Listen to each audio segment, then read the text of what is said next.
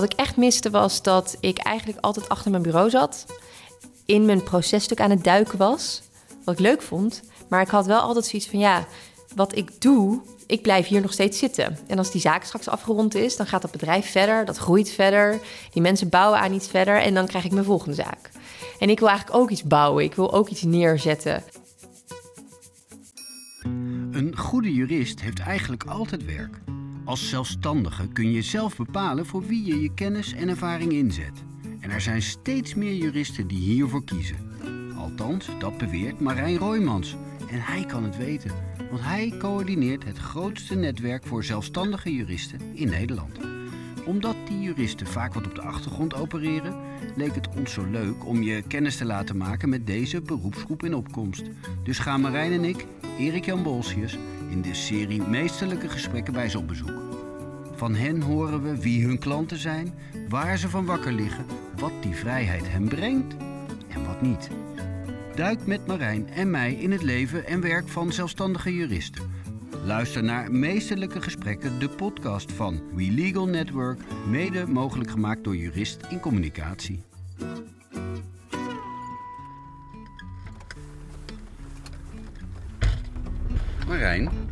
Erik Jan, we gaan op pad hè? altijd. Ik vind het zo leuk. Jij ook? Ja, het, is, ja, het blijft een feest. Ja, ik vind het echt gezellig om samen op pad te gaan. Dat Ja, kan ik niet anders zeggen. prima. Maar eh, dat is allemaal vooraf. Eh, met wie gaan we praten? We gaan vandaag met Caroline Kortweg praten.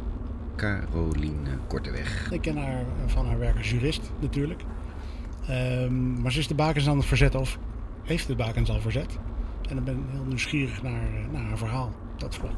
Ja, want bakens verzetten is niet concreet genoeg. Dus we gaan echt Dan gaan we, we gaan eh, horen hoe het zit. Dat gaan we horen. Mooi. Ik ben benieuwd. Oké.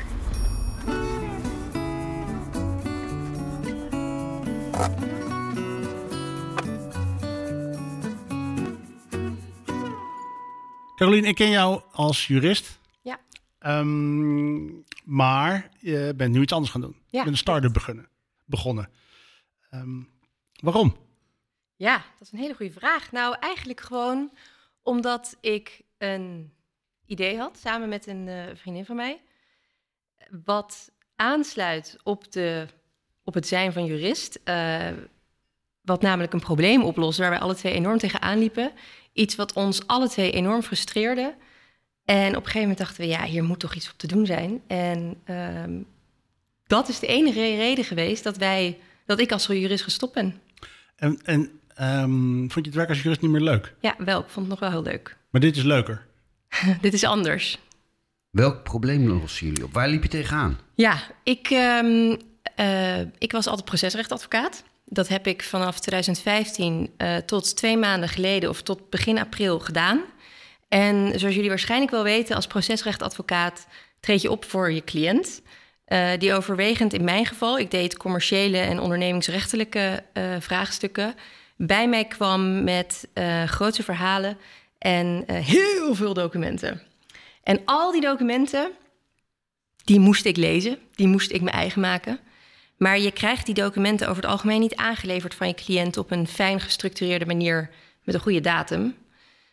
En als advocaat ben je dus enorm veel tijd kwijt bij het behandelen van je dossier aan het structureren van dat dossier. Wat zit er überhaupt in? Zijn het e-mails? Zijn het contracten? Maar is dat zoals mijn administratie thuis? Dat ik wel eens denk, oh, die stapel, waar begin ik? Ja, eigenlijk wel. Ja. Ja. Oké. Eh, je weet niet waar je moet beginnen, eh, maar je moet ergens beginnen. En het kunnen zo duizend documenten zijn. Het kunnen ook duizenden documenten zijn. Maar zelfs bij een paar honderd is het veel. En ehm, wat je moet doen is, je moet alle feiten kennen, want die moet je aan die rechter vertellen. En dus ga je, ik weet niet hoe vaak, terug naar dat ene mapje op je computer waar al die documenten in Dan ga staan. je alles weer herlezen. Ga je alles herlezen. Je gaat op een gegeven moment een tijdslijn maken van wat wanneer is gebeurd. Nou, dan ga je weer in die documenten. En dan vervolgens ga je je processtuk schrijven. Daar gebruik je die tijdslijn bij, maar daar moet je dan natuurlijk altijd bewijs over leggen. Al je producties ja, weer op je producties, precies. En die producties vinden, ja, die staan dan weer in dat mapje. En dan ga je weer terug naar dat mapje. En dit is allemaal heel fundamenteel werk, want het ligt ten grondslag aan dat wat je vervolgens gaat opschrijven. Maar het is natuurlijk wel wat achterhaald dat we het toch allemaal handmatig doen. Alles printen met stickies en, en flappertjes en uh, markers te werk gaan. Um, en ik gewoon echt als advocaat avonden, urenlang heb gezocht naar documenten omdat ik ze gewoon niet kon vinden. En daar liep ik tegenaan, daar liep Ingrid tegenaan, mijn uh, compagnon. En wij kwamen erachter, daar loopt eigenlijk iedere procesrechtadvocaat tegenaan. En toen dachten we, maar hier moet toch een oplossing voor zijn. Met techniek. Met dus. techniek, met AI, veel AI. Het kunnen lezen van de documenten, weten ongeacht het format, dus ongeacht of het Word is of ongeacht dat het PDF is. Is het een contract of is het een e-mail? Het kunnen sorteren, het uit het document halen van de juiste datum. Want wat ook heel fijn is, is dat als jouw cliënt je gisteren 100 e-mails stuurt of 100 documenten, whatever het is, en jij uploadt ze naar jouw systeem, dan slaat hij ze allemaal op op de datum van gisteren. maar ja, daar heb je natuurlijk weinig aan. Dus dat zijn wij met Uncover aan het doen. We zijn deze werkzaamheden aan het automatiseren. Uh, door gebruik te maken van artificial intelligence. Uh, hele nieuwe uh, technologie. Het is ongelooflijk wat er kan. En ons doel is daarbij eigenlijk om de advocaat weer wat meer tijd te geven om gewoon die inhoud in te gaan. Om die zaak te leren kennen om de brainstorm partner te zijn van de cliënt. Dat waarvoor je studeert, dat waarvoor de cliënt jou aanneemt. Um, en dus niet meer om zeeën van tijd te stoppen in het zoeken en terugzoeken en nummeren en hernummeren van documenten. Mag ik daar iets over vragen? Zeker. Um, is het dan zo dat je eigenlijk je, je systeem traint om te doen wat jij zelf doet? Een kopie van jouw nou, te maken? Ik snap wat je bedoelt. Dat is namelijk ook wel een beetje um, ergens hoe wij het proberen in te steken. Advocaten hebben een hele specifieke manier van te werk gaan. Um, die komt ook eigenlijk heel sterk overeen bij iedereen die we spreken. Dus wat wij proberen is eigenlijk in een digitale omgeving te maken. Die aanpak. Wat de advocaat anders handmatig doet. Wat is die specifieke manier? Ja, je gaat heel gestructureerd te werk. Dus je wilt je moet weten uh, wat het verhaal is geweest. En dat kun je alleen maar doen door vooraan te beginnen. Dus chronologie, chronologie dus chronologie aanbrengen. aanbrengen ja. uh, de feiten opschrijven, ook weer in chronologie. Uh, de bewijsstukken bewaren, zodat je weet waar je naar verwezen hebt. Je bureau vol met stickertjes erop. Ja. ja. Maar ook, ook online, toch? Want jij zegt wel, je moet printen, maar ik kan me voorstellen dat dat niet meer allemaal nee, je, gebeurt. maar dan nog is het een, ja, een weerbaar. En, en waardoor je dus vaak alsnog print, is omdat de systemen waar wij nu gebruik van maken, dat zijn gewoon documentmanagement systemen. Die zijn al een hele grote verbetering ten opzichte van vroeger, maar ze nemen niet iets van je over. Dus um, je, het is nog steeds niet zo, tenzij je die duizend documenten allemaal een nieuwe naam gaat geven. Wat je over het algemeen gewoon niet doet, want daar heb je gewoon echt geen tijd voor. Is dat je denkt, nou, dit document is zo relevant, ik print hem toch even. En dan stop ik hem in dit mapje. Maar ja, dan kan het maar zo zijn. Je werkt niet aan één zaak, je werkt aan, heel veel zaken. Dat je dat mapje weer even weglegt en dat je de keer daarna weer achter je computer zit en denkt: ja, ik moet het document printen. En er dan achter komt dat je hem al vijf keer eerder ook hebt geprint. Ja, dus het is gewoon heel handmatig werk. Wat wij met uh, Uncover willen automatiseren. En dan zijn dit de beginfeatures. Dus het structureren, het opbouwen van een tijdslijn. Het makkelijker maken van verwijzen naar producties. En die ook daadwerkelijk achter de tekst hangen. Zodat je niet daarna weer honderd keer op zoek hoeft naar die productie. Hey, gewoon met linkjes en zo. Ja, met linkjes. Okay, ja. En dan zijn jullie nu de machine aan het leren om dat te doen? Klopt. Ja, die zijn we aan het trainen. En, en natuurlijk heb je honderd keer die vraag gehad, maar dit bestaat toch al. Ik hoor altijd dat uh, due diligence, hè, waar ze vroeger een leger uh, jonkies in een kelder stopten voor een maand om, om contracten te vergelijken, dat dat geautomatiseerd is inmiddels. Is dat niet vergelijkbaar met wat jullie doen? Sommige van de AI die erachter zit is vergelijkbaar, ja. maar de interface, dus hoe het gepresenteerd wordt, is anders. En de wat de AI uiteindelijk doet, is anders. Want wat er eigenlijk in due diligence platformen heel erg gebeurt, is dat, die, dat je hem een opdracht geeft. Dus zegt: Oké, kijk naar dit soort bepalingen, dit soort bepalingen en dit soort bepalingen. Ja, ja. En die laat hij je dan al zien. Die vult hij alvast voor je in in een soort schermpje ernaast. Zegt hij: hey, dit, dit en dit staat er over die drie bepalingen. Kijk ernaar. En wat wij juist willen doen, is het structureren, het, het, terugbrengen naar heel veel ongeorganiseerde chaos, naar iets klein en compacts, zodat je daarmee gewoon aan het werk kunt. Dus het is wel uh, anders. En je was eh, jurist. Ja. En nu niet meer, denk ik Nee. dan, of wel? Want Best een dingetje hoor, wel vond nog, ik het. wel nog, want Ja, je bent natuurlijk je- al je ervaring en kennis aan het Ja, gebruiken om zeker. die stomme computer eh, Ja. te leren wat, ze, wat die moet doen. Ja, ja en ik word ook nog wel eens gevraagd eh, door mensen... kun je even een boze e-mail naar die schrijven? En dat doe je nog niet? Ja, dat doe ik nog wel eens hoor. Ja. Ja. Gelukkig. Ja. Maar het is wel echt een ander vak, dat wou ik Het is een heel ander vak, ja. En hoe kan je dit? Want dit is techniek, dit is, dit is eh, ontwerp, of hoe Ja. zeg je dat? Eh, ja. Ja. het is echt Programmeren, engineering, ja. programmeren. ja, Dat kan ik niet. oké. Eh, daar hebben Ingrid en ik ook eh, een hele fijne partner in gevonden. De partij die in ons geïnvesteerd heeft, Slimmer AI. Dat is een venture studio. En wat zij doen is, zij investeren geld en mankracht eigenlijk. En zij zijn echt een co-founder. Dus zij bouwen met ons Uncover en de oplossing. Dus wij hebben nu zes tot acht fulltime engineers van Slimmer. Die werken aan Uncover. Eh, met het doel om dan in september een eerste productkaart te hebben waarmee we de markt op kunnen. We hebben ook al wat launching customers die Ja. ons van input voorzien. Dat zijn kantoren, ehm, ik kan ze ook noemen, Lemstra van der Korst, waar ik zelf gewerkt heb, Corp en AD-advocaten. En er zijn er nog een paar eh, die deze week tekenen, maar die kan ik nog niet noemen. en ehm, ja, op die manier kunnen wij dus nu bouwen. Want Ingrid en ik hebben natuurlijk enorm veel domeinkennis. We kennen alle advocaten en we weten hoe het eruit moet zien. Maar ja, de code schrijven, dat kunnen wij niet. Hey, en en hoe, hoe is dat gegaan? Wa- Waren jullie al bezig op je zolderkamertje en kwam je hun tegen? Of, of zijn jullie alleen samen, echt samen gestart? Nee, we zijn eh, absoluut al langer bezig hiermee. Eh, toen ik... Ik was nog als jurist aan het werk. eh, Ingrid bij de brouw. En wij hadden gewoon een keer een etentje. En ik zat bij haar thuis en we hadden het over onze gedeelde frustratie. En toen dachten we, ja, hier moet toch wat op zijn, wat ik net al zei. En toen hebben we daar eens een keer over gesproken. En toen een paar weken later weer. En toen ben ik eens wat onderzoek gaan doen in de weekenden. En s'avonds ben ik eens wat dingen gaan uitzoeken. Eh, ben eens wat mensen gaan interviewen van wat vind je hier nou van? Hoe zie jij dit met hele open vragen, zonder ons idee al te hebben verteld. En we, we zijn op een gegeven moment eind vorig jaar eh, zijn we wat concreter erover na gaan denken met elkaar. En toen dachten we, ja, hier zit echt wat in. We hadden onder, op dat moment echt al heel veel tijd, met name ik, eh, omdat ik als ZZP'er natuurlijk werkte, eh hierin gestopt. Echt veel marktonderzoek gedaan, gekeken wat er al was. En toen, begin dit jaar, dachten we, weet je, we gaan het gewoon proberen. We gaan gewoon eens kijken of we geld op kunnen halen. Dus je bent eerst begonnen met geld ophalen. Nou ja, ehm, nadat we erover na hadden gedacht en hadden gekeken naar wat zijn onze competenties en eh, wat niet, wat niet bouwen is Ja, van zoiets. Niet coderen. Nee, niet coderen is. Ehm, en het vinden, ik heb nog best wel aardig wat engineers gesproken om eens te kijken, zouden jullie dit met ons willen doen? Maar die zijn allemaal in enorme, er is een enorme vraag naar hen. Kunnen Ze overal hebben het alles doen. echt voor het oprapen.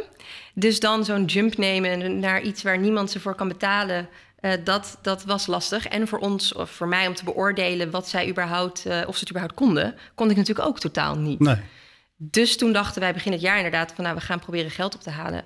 Was er iets wat de doorslag gaf? Want wat ik, ik spreek veel mensen met ideeën. Ja, Eigenlijk de, nou niet elke dag, maar wel bijna elke dag. Heel veel mensen met ideeën. Maar een heel beperkt aantal van hen zet dat idee om in actie. Ja. Want het omzetten van zo'n idee in actie betekent vaak ook loslaten van datgene Ja. wat je al hebt. ja. En hoe is, hoe is dat voor jou? Ik ben over het algemeen wel iemand die dat doet. Eh, ik heb bijvoorbeeld een bedacht ooit... oh, ik, ik vind het wel leuk om een kinderboek te schrijven. Dat heb ik toen ook gedaan. Eh, ik heb al eerder gedacht... nou, ik wil eigenlijk niet meer bij dit kantoor werken. Ik wil naar een ander kantoor. En er waren duizenden redenen voor mij om daar te blijven. Maar ik dacht, nee, ja, weet je, ik ga gewoon dit doen. En ook bij dit dacht ik, ja, ik zie hier echt wat in. Eh, ik, wat heb ik te verliezen? Nou, moest je iets opgeven daarvoor? Moest je, mo- heb je iets te verliezen? Ja, no risk, no gain. Dus ik heb hier ook wat te verliezen. Maar dat is meer iets wat ik wel skin in de ik game. heb wel skin in the game, maar natuurlijk ook vooral gewoon heel veel, heel veel tijd en heel veel energie. En je gaat er natuurlijk wel op achteruit qua wat je, wat je verdient even. Maar ik vind dat allemaal zo erg niet, want ik bouw nu aan iets van mijzelf, wat weet je, wat ik met iemand heb bedacht en waarmee we echt een probleem gaan oplossen, wat ik zelf ondervonden heb. Dus ik vind het echt, ehm, ik ben heel blij met deze keuze. Je straalt er ook bij als je het vertelt. Heb, heb, je, heb je het gevoel dat je een gat in de markt hebt? Dat heeft elke ondernemer, denk ik. Ja, ik wou net zeggen, ja. dat heb ik wel. En dan ben ik blij dat ik dat gevoel heb. Want Ja, anders dan... Anders eh, was je niet begonnen waarschijnlijk. Nee, ja. Nee, maar dat, waar zit dat in? Want je hebt al een paar launching customers. Dus je hebt al eh, gepitcht bij niet alleen een, eh, een, een eh, financier, maar ook bij mensen die het straks gaan afnemen. Klopt. Wat heb je dan verteld aan ze? Dat moet altijd in twee zinnen. Drie. Dat is een hele goede vraag. Nou, ik heb het ze waarschijnlijk in iets meer dan drie zinnen verteld, maar eigenlijk wat ik jullie net heb verteld. Dat er enorm veel tijd nu gaat naar werk wat fundamenteel is, maar wel low value add. En dat dat werk heel makkelijk geautomatiseerd kan worden, waardoor zij veel meer tijd hebben voor de inhoud of voor een andere zaak. Ehm, waardoor de cliënten die vragen om meer efficiëntie, die kunnen ze laten zien, nou, daar doen wij wat aan, want wij gebruiken dit platform. Dus er zijn heel veel redenen voor, de, eh, voor advocaten om dit te doen. En de jurist, de advocaat, die zegt ja maar. Dat is ongeveer je tweede naam, hè? of je, je middelneem als advocaat. Wat zijn de bezwaren die je moet tackelen? Ik, ik, ik noem Ja. maar één die mij door mijn hoofd schiet. en dat zit hem in, eh, maar zo'n systeem pakt nooit alles en ik wel. Dat zeggen ze altijd, hè? Ja, Dat is logisch. ja. Dat ga je ook horen. Ja, dat, ehm, wat ik eerder hoor, zal ik je zeggen, is ja, maar die uren, die kan ik toch juist in rekening Ja, brengen. ook dat. Oh, echt? Ja, tuurlijk. Ja, Dat, tuurlijk. Ja. dat is natuurlijk wel heel eerlijk, maar Ja, maar dat is ehm, eh, eigenlijk iets wat ze zeggen, waar ze meteen vervolgens van zeggen, nou ja, weet je, eigenlijk is dat ook niet zo. Want die uren wil ik helemaal niet hier aan moeten besteden. precies. En ik krijg er overspannen en gefrustreerde werknemers van. Talent retention, dus het behouden van je goede mensen, is, is echt heel moeilijk momenteel. En cliënten vragen om meer efficiëntie. Ik heb alleen maar meer zaken en alleen maar grotere dossiers. Dus eh, ze zeggen het, bij en dan. weg. Haal het bij me weg. Ja, haal het alsjeblieft bij me weg. En ze zien zelf natuurlijk ook dat dit de toekomst is. Want laten we eerlijk zijn, 30 jaar geleden schreven we ook met de hand een brief. En dat kan nog steeds, maar dat doen we niet. We typen die brief op de computer, printen hem uit en versturen hem. If even. Ja, ik wou zeggen, ik stuur nooit meer een brief. Nee. Maar ja, precies dat. Dus, Ja. dus, dus de automatisering is logisch. Ja. Eh, en, en het systeem herkent niet alles. Computers, eh, ja, Ik denk dat daar, als angst ik afgaand op mijn ervaring, is dat, dat, je, dat je bij advocaten en juristen vaak een gebrek aan vertrouwen in de technologie ziet. Dat je Ja. mensen bang zijn dat, dat de nuance verloren gaat. Ja, De computer nou, niet signaleert wat zij met hun scherpe, ervaren oog wel signaleren. maar dat is dus juist het hele mooie van wat wij doen. Wij proberen niet iets waar een scherp oog voor nodig is, weg te nemen. Want het is nog steeds het idee dat de advocaat het hele dossier gaat lezen. En het is nog steeds het idee dat de advocaat elk stuk onder ogen krijgt. Het idee is dat wij het moment waarop ze dat kunnen gaan doen, veel eerder laten liggen. Zodat ze gewoon in één keer dat dossier in kunnen duiken. Dus het is meer dat voorwerk wat daaraan ten grondslag ligt, dat Uncover automatiseert. Dus daar merk ik minder angst. Sowieso moet ik zeggen, is iedereen enorm enthousiast. Het is echt heel leuk om te merken. Ook grote kantoren die echt zeggen: Nou, zodra het af is, kom alsjeblieft terug. Eh, want dit is natuurlijk echt de toekomst. Dus Ja. dat is wel heel leuk om te merken. Ja. Mooi. Je bent dus ondernemer geworden. Ja. ja. Heb je voorbeelden in de familie? Heb je een, een, een, een inspirator om je heen? Een boek, een, een podcast? Eh, wat, wat maakt ja, dat je wil ondernemen überhaupt? Ik kom sowieso uit een enorme do-it family. Eh, mijn moeder is echt een, een doer. Zij gaat, ze besluit iets te doen en dan doet ze het. Eh, ze bedenkt dat ze iemand moet bellen, dan belt ze. Ze, ze houdt nooit op. En mijn vader, die is ook ehm, altijd in al zijn werkend leven... ehm, heeft hij echt een leidinggevende rol gehad. Is hij gewoon heel erg van aanpakken geweest. Ik heb vier of drie zussen. Eh, die allemaal eigenlijk ondernemen. Nou, één nu niet meer. Die is nu, eh, zit ze bij NRC. Maar die andere die is eh, filmproducent in Amerika. En die andere maakt documentaires in Nederland. Allemaal voor zichzelf. Dus wat dat betreft wel een hele ondernemende familie. Jij was het zwarte schaap. Als, ja, klopt. Nou, en ik zal je wat zeggen. Het grappige is, toen ik dit ging doen... toen zeiden zoveel mensen tegen mij... oh, dat was echt geen vraag voor mij. Dit dacht ik altijd al. Dit zag ik altijd al aankomen. Dacht ik, meen je dit nou? Ja. Zeg ze, ja joh, kijk nou, je hebt dit gedaan, dat gedaan... daar naartoe gegaan, dit opgezet, dat opgezet. Je bent zo'n ondernemend type. Maar ik had zelf ook niet per se gedacht hoor... dat ik dit nou nu zou zijn gaan doen. En, en, en als je dan eh, begint met ondernemen, eh, waar leer je dat dan? Want dat is, ja, je- just do it. Ja, dat zal wel, maar... Nou, kijk, waar leer je dat dan? Ja, ehm, het is de eerste keer dat ik het doe, Ja. dus ik heb het ook nog niet geleerd. Dus dit is, ik ben het nu aan het leren. Ik heb een bepaalde manier van te werk gaan. Ik ben heel gestructureerd, ehm, gedreven. Ik, ik laat ook echt niet iets los. Zo zit ik sowieso in elkaar. Ik, ik ga er wel echt voor. Maar ik denk eigenlijk heel eerlijk dat dat toch ook het belangrijkste is. Dat je het gewoon doet. Je moet gewoon kiezen te doen en het dan doen. En wat vind je het moeilijkst? Nou, wat ik spannend vind eerder is dat ik nu mensen ga aannemen waar ik dan verantwoordelijk voor ben. Want dat hebben we natuurlijk nog nooit gedaan. Ingrid en ik alle twee niet. Dus dat vind ik wel eh, een hele nieuwe. Ik denk dat dat een heel nieuw gevoel gaat geven. Want dat is natuurlijk een andere situatie dan jij zelf. Wat voor mensen ga je aannemen? We gaan nu binnenkort een techlead aannemen. Dus iemand die de engineers gaat aansturen en dit product met ons kan bouwen. Verder kan bouwen nadat Slimmer ook weer een stapje terugzet. En dat zal na de launch van die eerste versie in september zijn. En we moeten een team aannemen van engineers. Dus eh, met name de engineers zijn we hard naar op zoek. Dus die mensen die je even van eh, slimmer, of Ja. even die tijdelijk van slimmer kunt gebruiken, of die, die, die 6 tot 8 die je net noemde, die zijn in september, oktober klaar. Ja, nou ja, en dan zullen ze Wow. niet eh, van de een op de andere dag zeggen: Oké, ik stop er nu mee. Want Slimmer is natuurlijk ook een investeerder, dus daar heeft Slimmer ook geen belang bij. En zo zitten zij er ook echt niet in. Het is echt een co-founder. Maar het idee is wel dat we dan gewoon ons eigen team hebben en, en zelf kunnen vliegen eigenlijk. En is dit ook internationaal toe te passen? Lijkt me wel. Ja, zeker. Ja. Ja. dat is het mooie. Dit probleem dat wij oplossen, dat ondervindt eigenlijk elke advocaat. Want iedereen moet die feiten op orde brengen en dat aan de rechter overbrengen. Dus we spreken ook al wel af en toe met advocaten in het buitenland. En die zeggen ook, nou zodra je de grens overgaat, eh klop maar aan. Want dit is echt ook bij ons helemaal van toepassing. En de taal maakt dan niet uit. Ja, wel. Ja. Want in Frankrijk moet in het Frans geprocedeerd worden, in Duitsland in het Duits. En dat is ook iets wat wij... Wij bouwen het platform nu zo dat het Nederlands en Engels ondersteunt. Omdat dat eigenlijk de voornaamste talen zijn in Nederland.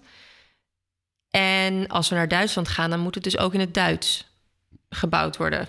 Maar dat is, dat is aan de achterkant. En we bouwen het nu al op zo'n manier dat hij eigenlijk heel snel dan ook die taal Meer kan herkennen. kan. Ja. Ja, Wauw, dan ga je wereldwijd. ja, dat is wel het doel. Dat klinkt gaaf.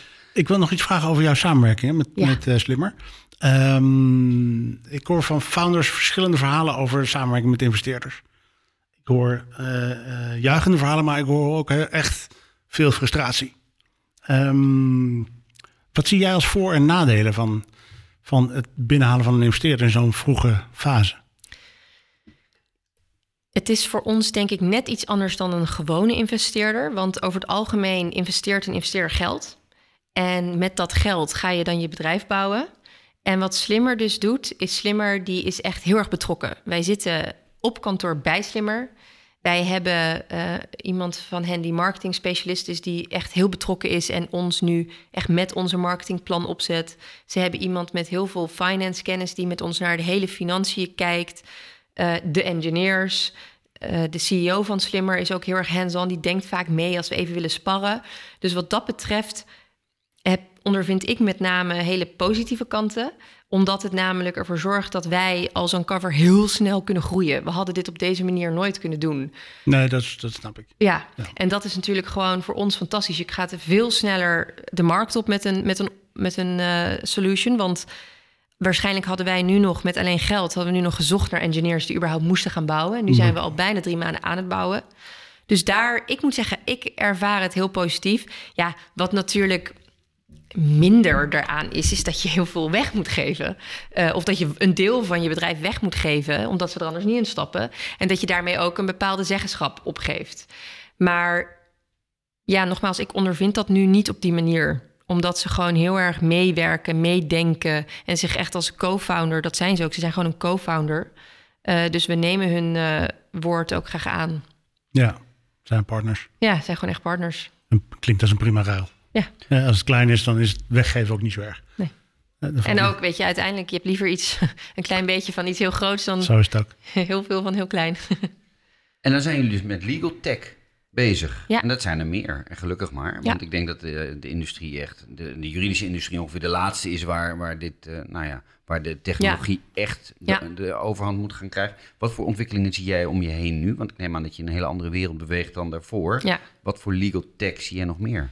Nou, je ziet al heel veel, je noemde het net al even, in due diligence Ja. en M&A. Dus steeds meer eh, contracten kun je gewoon online opstellen.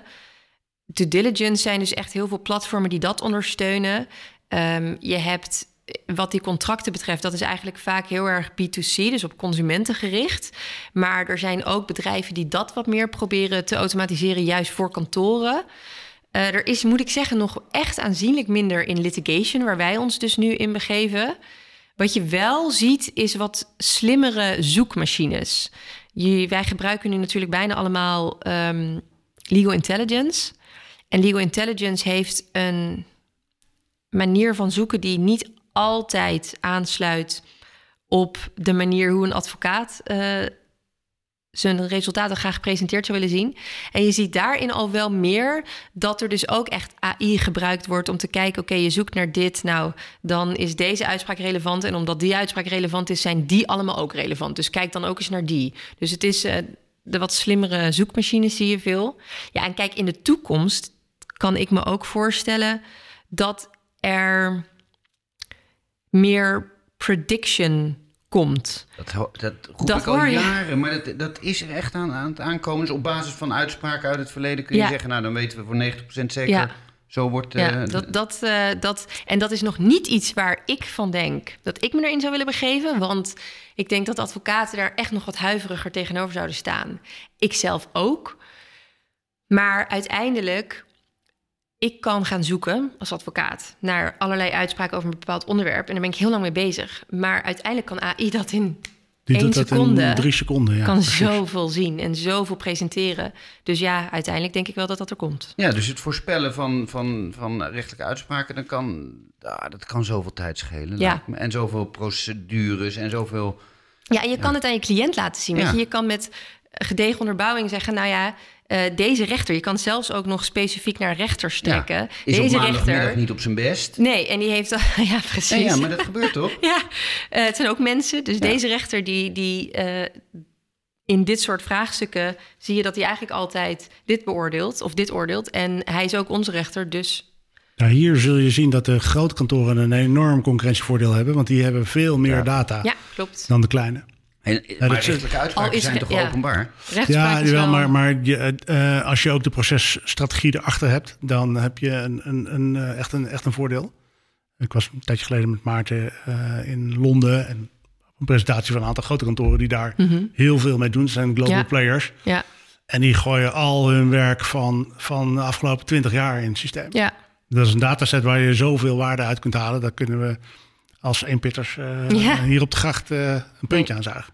Maar dat komt er wel aan, hè? Dat komt eraan. komt Ja. er zeker aan. En, en eh, de, de, de toekomst van het advocatenkantoor, eh, zie jij legal tech die toekomst overnemen of ernaast ontwikkelen? Waar, waar gaan we heen?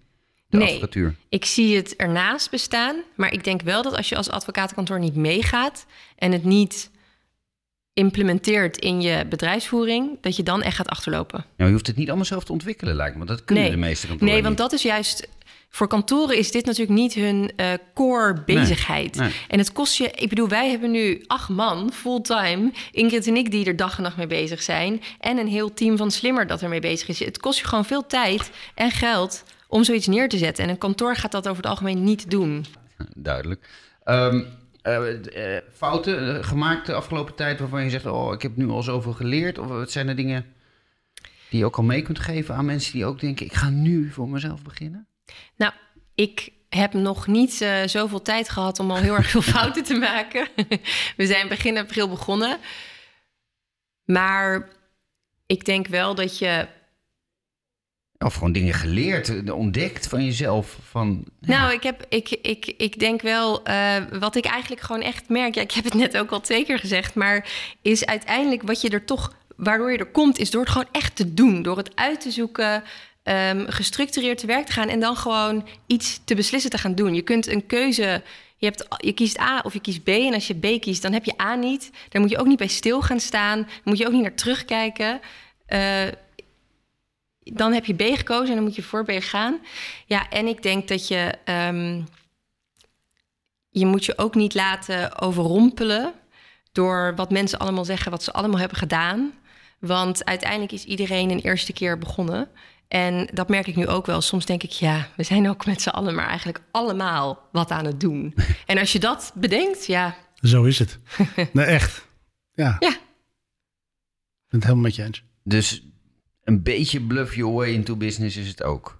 Of is het niet bluffen? Nee, want je doet- denkt nou, ik wel zou goed niet over bluffen. Nee, het is Ja, geen bluffen. Het is Ja. geen bluffen, Nee. maar het is, je, moet, je moet gewoon niet bang zijn. Je moet Ja. er gewoon echt voor gaan. En je moet gewoon zelfverzekerd zijn. En dat ben ik ook heus niet altijd hoor. Ik bedoel, ik kan zelfverzekerd zitten ergens en dan naar huis gaan en denken... Oh. Maar Je hoeft niet eens zelfverzekerd te zijn. Je moet, je moet ergens, je moet beginnen. ja, Ja, precies, en- je en moet echt Je moet, nee, ja, Of ook ergens niet in eens. geloven. Ja, ergens, je mag best twijfelen. Ja. En je hoeft ook niet zelf, en je hoeft het niet zeker te weten, maar je moet beginnen. ja, je moet echt En, beginnen. en is je moet stoppen met erover nadenken en Ja. praten. En Ja, ja. Door, door heel lang erover na te denken, wordt het echt niet beter. Nee, ja, ik ben het er helemaal eens. Start ja. doing. Ik zit met Dus twee, eh, dat is echt. Nee, maar echt. Nee, maar echt. Je moet, Ja. ik bedoel, de beste manier om dingen te leren is door ze te doen. Ja. En niet door erover te praten en erover te lezen en te praten. Nog een keer te denken ook. Concepten te ontwikkelen. Kappen. Doen. Gewoon doen. Ik ben het helemaal eens. Het is stom om te zeggen, maar dat is echt wat ik ook zou zeggen. Je moet het gewoon doen. Ja. Ja, jullie zitten mij, je hoeft mij niet te overtuigen. Jullie zitten mij aan Nee, jij doet het toch ook? eh, Dus, ja, eh, precies. doe zijn- het op we zijn ieder op zijn manier, elkaar. maar Ja. hè, we proberen allemaal... En, en we doen ook maar wat. Dat Ja. zeg je ook heel eerlijk. Nou, iedereen denk ik. ja, dat is ook zo. Toch? Ja. Ehm, de, de, de, de- wat is het volgende wat je gaat doen? Eh, je, ja, dit moet op, in september, eh, dit. eh, Ja, een, ik ben een nu- cover moet in september live. Ja, dat is echt wel fulltime, Ja. all-day focus. Gewoon uncover, opbouwen, mensen aannemen... zodat we straks met elkaar verder kunnen... en het team verder kunnen opbouwen. eh, het product verder ontwikkelen en dan dus de markt op. We zijn dus nu heel veel aan het testen met de launching customers. En dit allemaal eigenlijk met het doel dus om in september... een eerste versie te hebben. En dan gaan we gewoon verder met ontwikkelen van die versie... En eh, eigenlijk volgend jaar ook al wel het doel de grens over te gaan. Wat ik interessant vind is. Ehm, je gaat allemaal mensen aannemen. Ja. Maar je hebt nog geen omzet. Nee, Ehm, en die eerste launching customers gaan natuurlijk ook niet meteen eh, tonnen nee, in de kassa storten. nee. Hoe? Dat geld dat we hebben opgehaald. We hebben voldoende geld opgehaald om mensen aan te nemen, ehm, om het product te bouwen en dan straks de markt op te gaan. En dan op een gegeven moment, dan, Dan eh, als we je- er klaar voor zijn, dan gaan we weer geld ophalen. Maar de dat is nog niet seed ronde is geweest. En dan krijg je ronde Ja. A, B enzovoort. Ja. Dat. Oké. Eh, heb jij van tevoren een carrière bedacht voor jezelf? Je, over vijf jaar wil ik hier staan. Hoe heb je dat voor jezelf gedaan eh, sinds je afstudeerde? Ik heb nooit echt een vijfjarenplan gehad, omdat ik denk dat dat je ook een beetje kan beperken. Dus ik, op een gegeven moment heb ik me voorgenomen, ik kijk aan het begin van het jaar wat vind ik ervan en dan kijk ik aan het eind van het jaar wat vind ik ervan. En ehm, als ik het dan nog leuk vind, dan blijf ik het gewoon doen. En ik ben dan wel zo dat ik het allerbeste probeer te zijn wat ik kan. Eh, dus als dat had geleid naar partner, dan had dat geleid naar partner. Maar ik had al wel vrij snel dat ik dacht, ik mis ook wel dingen in dit vak. Zoals? Nou, dus dat wat ondernemendere. Ik, wat ik echt miste was dat ik eigenlijk altijd achter mijn bureau zat. In mijn processtuk aan het duiken was. Wat ik leuk vond. Maar ik had wel altijd zoiets van, ja, wat ik doe, ik blijf hier nog steeds zitten. En als die zaak straks afgerond is, dan gaat dat bedrijf verder. Dat groeit verder. Die mensen bouwen aan iets verder. En dan krijg ik mijn volgende zaak. En ik wil eigenlijk ook iets bouwen. Ik wil ook iets neerzetten. En ik wilde dat, eh, ja, dat, dat wilde ik gaan eh, uitzoeken. En dat ben je gaan doen. En dat ben ik gaan doen. Als het in je hoofd zit, Ja. dan zit het nergens anders. Nee. Of wel? Dan doe ik het ook, Ja, ja. zo komt het wel over. Mooi.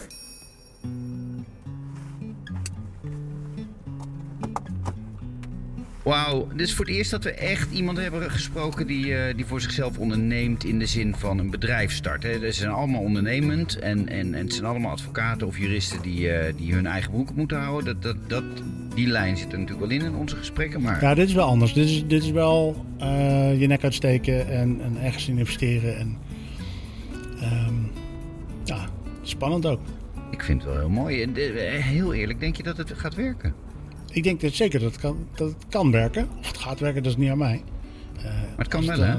Als het aan Caroline ligt, dan gaat het werken. Maar het klonk me ook zo logisch. Ja, nee, het is ook logisch. Aan het eind van elk gesprek vertellen we natuurlijk altijd even met wie we daarna weer gaan praten. Maar daar hebben we op dit moment nog geen naam bij. We sluiten seizoen 1 af. We hebben nu een aantal hele interessante gesprekken gevoerd met zelfstandige juristen uit het netwerk van WeLegal. En volgend seizoen gaan we een nieuwe serie maken. En met wie en waarover, daar houden we je nog even over in spanning. Maar na de zomer zijn we terug met meesterlijke gesprekken.